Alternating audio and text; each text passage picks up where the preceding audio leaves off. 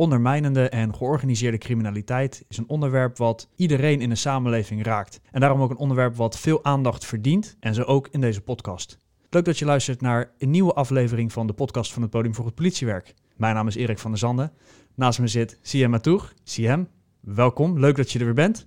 Dankjewel uh, Erik. Ik heb er weer zin in vandaag. Heel goed, ik ook. En vandaag gaan we het wederom hebben over ondermijning, maar deze keer specifiek ondermijning in het buitengebied. En daarom is bij ons aangeschoven Bart van Steeg. Bart, welkom. Leuk dat je er bent. Zou je willen beginnen met je even voor te stellen?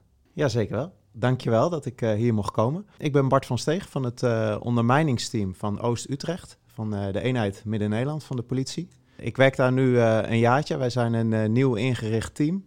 Wij houden ons bezig met de aanpak van de ondermijning in de breedste zin van het woord. Dus van preventie tot repressie, maar ook de integrale kant, de monokant. Dus ja, hoe lang ben je werkzaam bij de organisatie? Ik werk inmiddels uh, volgens mij 13, 14 jaar bij de politie. Ja. Okay. Ik heb hiervoor uh, in Utrecht gewerkt uh, in een noodhulp en als wijkagent van de horeca. En nou ja, nu een jaartje bij het ondermijningsteam. Je geeft aan een nieuw ingericht team. Kan je daar iets over vertellen? Jazeker, ja. Uh, wij hebben het in uh, Midden-Nederland uh, zo ingericht dat er per politiedistrict vier collega's zich fulltime bezighouden met de aanpak van ondermijnende criminaliteit. En nou ja, dat is ingeregeld vanaf, vanaf vorig jaar. ondermijning is een thema wat in de landen ja, best wel prioriteit heeft gekregen. Hè? Dus het staat overal wel op de agenda's. De gemeentes hebben het in de integrale veiligheidsplannen staan. En uh, nou ja, Midden-Nederland heeft gezegd van wij gaan uh, uh, daar ook vier collega's per district fulltime mee bezig laten houden. Uiteraard doen wij dat samen met de basisteams van het district en met de recherche. Ja. Maar zo'n groot, breed onderwerp en een nieuw interichte team, waar begin je? Ja, ja, dat klopt. dat vragen wel meer mensen. Waar begin je? Ja, wij zijn begonnen met gesprekken in de basisteams, dus met de portefeuillehouders daar. En uh, we zijn gewoon signalen gaan halen. En we zijn gewoon echt begonnen uh, een, een, signaal op te werken. En wij doen dat altijd zoveel mogelijk met integrale partners. Dus met de, gemeentes, het OM, de Belastingdienst. Maar ook met het RIEK, het Regionaal Informatie- en Expertisecentrum. en zij zijn een soort platform die al die partijen ook ja, verbinden. Vorige keer hadden we het hier hadden we het heel specifiek over ondermijning in de horeca. Wat voor soorten van ondermijning richten jullie op? Wat zie je vooral in jullie regio? Ja, ja, daar hadden we natuurlijk afgesproken hè, dat we het over het buitengebied uh, zouden, ja, zouden hebben. Ja. En uh, nee, dat klopt. En dat is ingeregeld uh, bij ons in Midden-Nederland dat we per district een aantal thema's hebben waar we ons op gaan specialiseren. Dus echte ondermijningsthema's. En voor ons in district Oost-Utrecht zijn dat de autobranche en het buitengebied. En ik hou me met name bezig voor ons district dan voor het buitengebied. Ja, en dat is een thema waar we echt willen gaan, gaan, gaan investeren, of we eigenlijk op, op aan het investeren zijn. Kan je iets vertellen over ondermijning in het buitengebied? Wat voor beelden kan ik daarbij hebben? Ja, wat je, het buitengebied is een gebied waar we als overheid niet zo heel veel komen. Uh, daar gebeurt niet zoveel. Dus, dus daar komen we helemaal niet zoveel uh, als, als, als gemeente niet, maar ook als politie niet. En uh, het is natuurlijk ook heel wijd. huizen staan daar ver, boerderijen staan daar ver uit elkaar. Dat maakt het interessant voor drugscriminelen, want die zijn daar ook minder zichtbaar. en wat willen drugscriminelen? Die zijn op zoek naar schuren, loodsen, locaties om hun drugs te verbouwen, dan wel te produceren, dan wel op te slaan. Ja, en die maken dan eigenlijk misbruik van uh, de, de agrariërs, maar ook van mensen die daar gewoon wonen, uh, om die loodse schuren daarvoor te, te gebruiken. En als je daar helemaal instapt, dan heb je echt wel een, uh, een groot probleem. En daar zijn wij eigenlijk aan de voorkant mee bezig, hè? dus om te proberen daar met mensen over in gesprek te gaan. Het is dus niet zo dat ze een loods huren, maar ook echt in gesprek gaan met degene die daar woont van we willen het voor een bepaald doeleinde gebruiken, of is dat niet altijd helder voor degene bij wie ze het huren? Nee, daar zien we wel verschillen in. Uh, soms er zullen mensen zijn die daar bewust in meegaan. Maar ik zie uh, met name uh, het, buitengebied dat, ze, dat het onbewust is. Hè? Dus dat ze misbruik. Dus ze komen met een verhaal van we willen een schuur huren. We hebben daar een goed bedrag voor, willen we daarvoor betalen. wil je meewerken? Ja, en dan zie je verschil. de ene keer zegt een agrariër of een bewoner zegt van wegwezen van mijn erf af. Maar een andere keer uh, denken ze, ja, weet je, we hebben het al wat, wat lastiger. laat, laten we er toch op ingaan. En inderdaad, het gebeurt ook wel af en toe hè, dat ze gewoon bewust het erf op komen lopen. En dan zeggen, hey, we willen je schuurhuur voor een goed bedrag. En je moet je mond houden, want het is voor plantjes. Dat, dat soort teksten. Dat gebeurt ook wel, ja. Wij hebben, we hebben veel bezoeken gehad in het buitengebied, veel gesproken ook met bewoners en, uh, en agrariërs van het buitengebied. En zij, uh, ik weet de cijfers van ons gebied niet uit mijn hoofd, maar echt het, het merendeel wordt echt uh, gewoon benaderd voor, voor, bijvoorbeeld plantjes. Echt ja. openlijk benaderd dan. Hè? Ja. ja. Ik hoor je zeggen van, die geeft aan, ze hebben het al zo moeilijk. Is het net als hè, bij de vorige podcast hadden we het over de criminele weldoeners. en waar de horecaondernemers op dit moment eigenlijk bijna geen omzet draaien als het natuurlijk helemaal dicht is. Is dat ook dezelfde situatie. Dat ze ook om die reden er sneller instappen. Ja, dat, is, uh, uh, dat zou je heel snel en heel makkelijk kunnen zeggen. Hè? Boeren liggen onder een vergrootglas. En dan, dan zou je 1 en 1 is 2 kunnen zeggen dat dat zo is. Uh, tegelijkertijd zijn er ook onderzoeken gedaan waarbij die boeren eigenlijk best wel heel weerbaar zijn. En juist zeggen van wegwezen van, van mijn erf af. Dus ik vind dat heel lastig om te zeggen. Het is wel een feit dat er heel veel agrarische bebouwing vrijkomt, omdat er steeds meer boeren stoppen. Ja, en dat betekent dus veel leegstaande schuren. Dus interessant voor die, voor die drugscriminelen. En je zegt, uh, je zei in je introductie, zei je richt je zowel op de opsporing als op de preventie.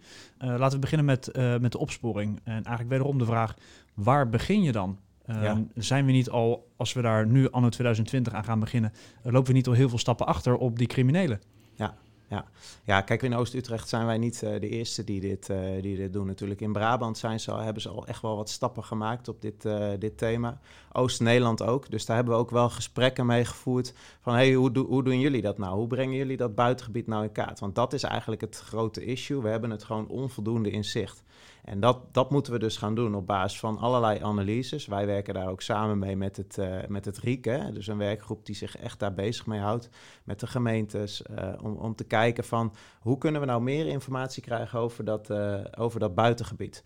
En daar kun je allerlei bronnen voor gebruiken, open bronnen, maar ook gewoon politieinformatie. Ja, en dat zijn, we, dat zijn we nu aan het doen, om uh, op basis van politieinformatie een stukje richting te krijgen voor, uh, voor ons onderzoek. Maar het belangrijkste is dat we eerst dat zicht gaan krijgen.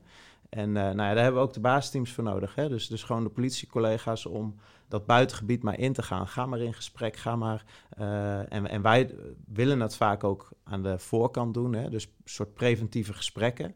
En we zien die bewoners ook en die uh, agrariërs ook echt als, als partners van ons, zeg maar. Dus niet zozeer, uh, helemaal niet als verdachten, tenzij als we daar uh, redenen voor hebben, maar niet als verdachten of als slachtoffers, maar echt als, ja, als, als medestander om dat buitengebied maar zo veilig mogelijk te houden.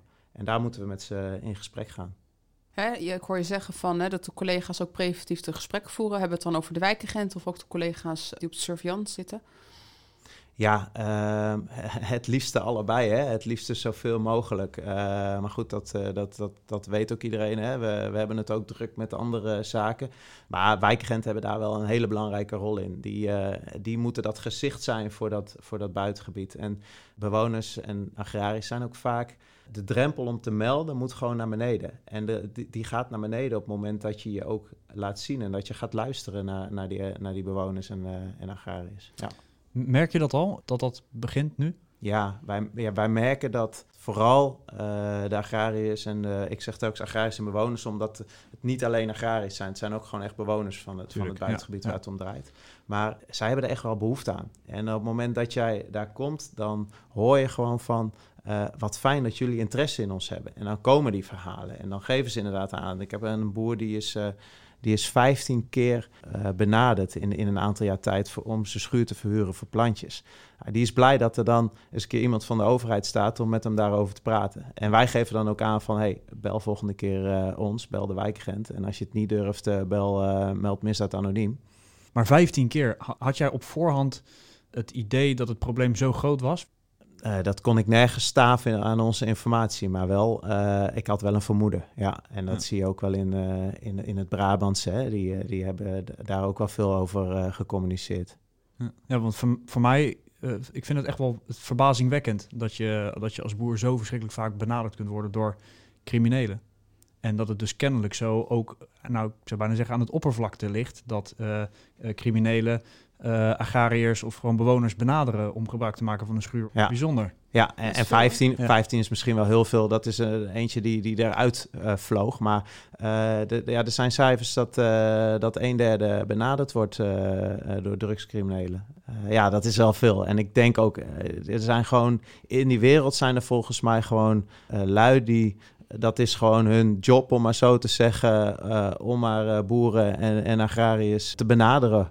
Uh, voor, dat is gewoon onderdeel van, van de bedrijfstak, zeg maar. Ja. Ja. ja werving en selectie. Ja, ja.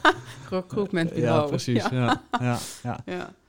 Hoe zorg je dat agrariërs en bewoners weerbaar zijn? Ja, wij uh, werken uh, samen met het RIEK, dat is een werkgroep. En uh, wat wij hebben gedaan en ook willen doen, en dat was nu wat lastig in deze coronaperiode. nou, wat ik al zei, die bezoeken, hè, dat, dat is wat we doen. Dus gewoon het, het gebied ingaan, het gesprek voeren, maar tegelijkertijd ook avonden organiseren.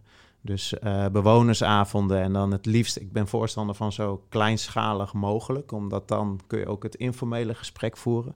Maar we hebben ook wel grotere bijeenkomsten gehad waar dan een slachtoffer uh, die zijn schuur verhuurd heeft in het verleden en er echt heel veel problemen door gehad heeft, die vertelt dan zijn verhaal, zeg maar. Nou, wij als politie vertellen het een en ander over waar je op moet letten. En nou ja, op die manier probeer je eigenlijk aan weerbaarheid te werken. En ja, zo proberen we nog heel veel meer ook dit is een onderdeel van ja, het op de kaart krijgen. Want mensen moeten het gewoon weten. En weten dat wij als overheid, dat, dat die drempel om, om te, te melden, te bellen, echt gewoon naar beneden moet. Ook al hebben ze een vermoeden, kom langs. vertel het de wijkagent, vertel het ons. Ja. En als ik nou agrariër ben en ik ben in, in zee gegaan met zo'n criminele weldoener... en achteraf denk ja, weet je, ik ondervind er heel veel problemen van en achteraf heb ik er spijt van. Kan je dan alsnog naar de politie? Ja, wij zeggen altijd, uh, uh, altijd doen. Want je kan altijd bij ons beter je verhaal doen. Als hij, en dan gaat het altijd over te goede trouw. Hè? En dat, wij moeten het gewoon. wij gaan dan een strafrechtelijk onderzoek starten, uiteraard. Maar als je, je kan beter met ons van doen hebben dan met die criminelen. Want er gaat gewoon echt heel veel geweld en, en, en dreiging uit van die gasten. ik ken een verhaal van een, een wat oudere boer. Die man die is die, die heeft zijn schuren verhuurd voor plantjes. En mhm. vervolgens, uh, daar heeft hij heel veel geld aan verdiend. Dat had hij allemaal zwart uh, boven in zijn kluis liggen.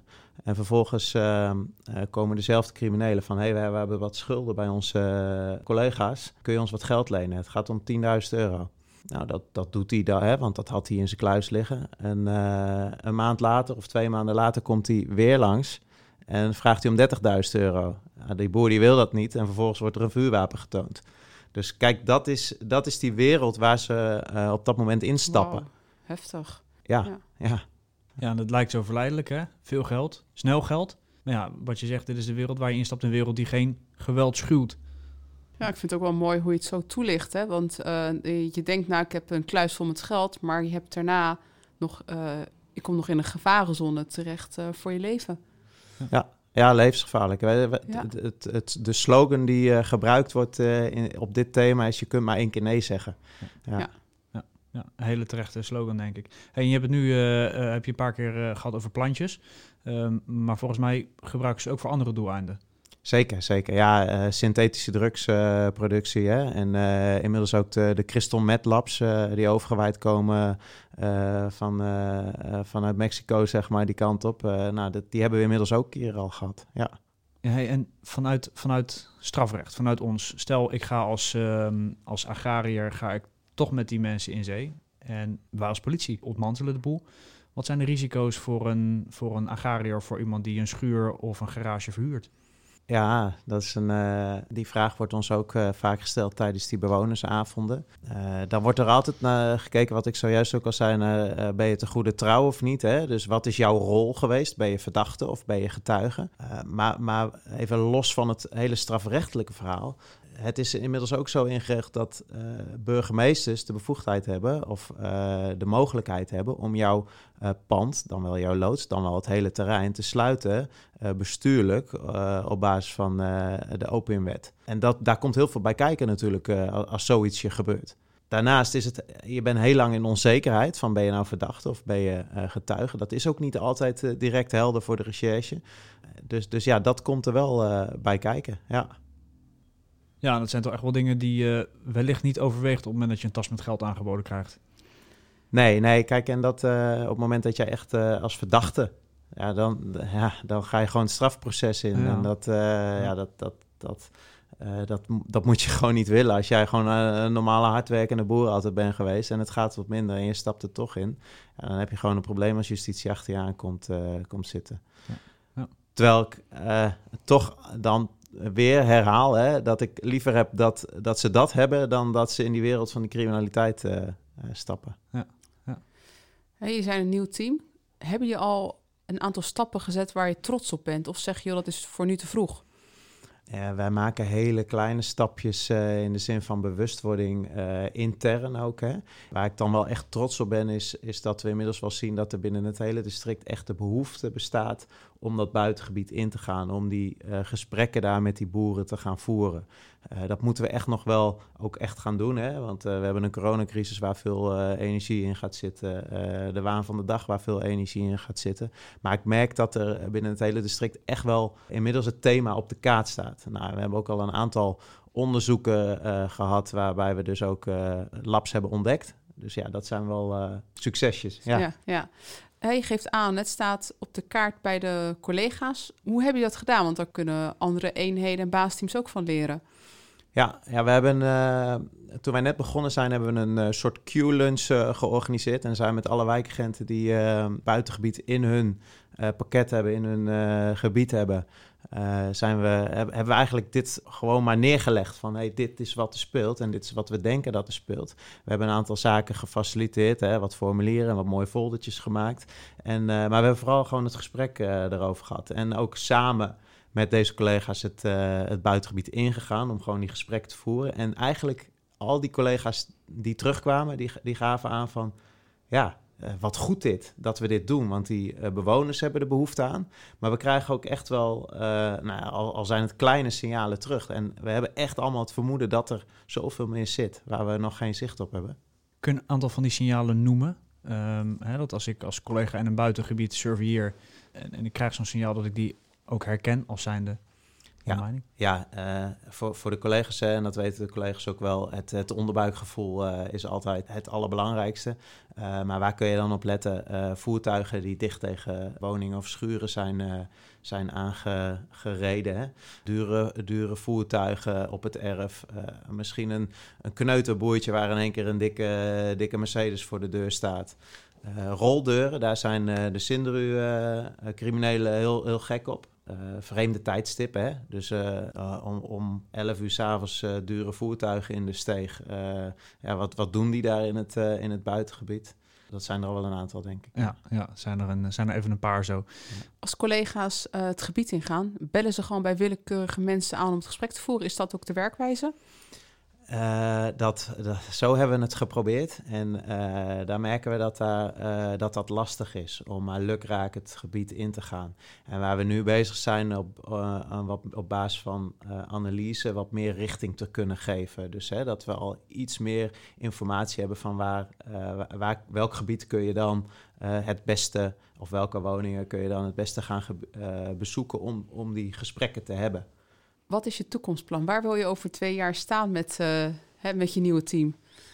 Ja, uh, op, op dit uh, gebied dan, dan hoop ik dat we in ieder geval in Oost-Utrecht echt gewoon een, een goed contact hebben met die, met die agrariërs, maar ook met die bewoners daar. En dat, dat, dat ze eigenlijk allemaal gewoon nee zeggen. En dat dit thema, dit, dit probleem eigenlijk bekend is bij hem. En dat ze allemaal zeggen nee, niet hier. Ja, dat. Ja, ik vind het heel sterk, um, waar we toch zien in ondermijning, dat we ons heel vaak richten op de, op de opsporing, op de repressie. Hoe jullie richten op de preventie. Dat uh, vind, ik, uh, vind ik heel mooi om te horen. Um, voor mij heel inspirerend en ik hoop voor de luisteraars ook. Op het moment dat je nu zit te luisteren en je denkt bij jezelf, hier wil ik meer over weten. Hoe kunnen mensen met jou in contact komen? Ja, ze kunnen altijd uh, uh, via politie.nl uh, of, of, via de politie contact met mij opzoeken. Uh, collega's weten mij wel te vinden. Of, en anders via jullie. En anders via ons. Ja. Mooi. Bart, heel erg bedankt voor je bijdrage vandaag, voor je inspirerende verhaal. Wil je hier nu meer over weten? Neem dan contact op met Bart van Steeg. Of natuurlijk met ons, Sihema Toeg, of met mij, Erik van der Zanden. Dat kan zowel als je bij de politie werkt, maar ook als je niet bij de politie werkt, als je een partnerorganisatie buiten de politie bent en je wilt hier meer over weten of je wilt de samenwerking aangaan met de politie op dit thema, neem dan zeker uh, contact op. Bart, nogmaals bedankt voor je bijdrage. En voor de luisteraars, bedankt voor het luisteren. Volgende week zijn we weer terug met een nieuwe aflevering. Dan hebben we het over de procesflow in de basisteams van overmorgen. En we hopen dat je dan weer luistert. Bedankt voor het luisteren. Tot volgende week.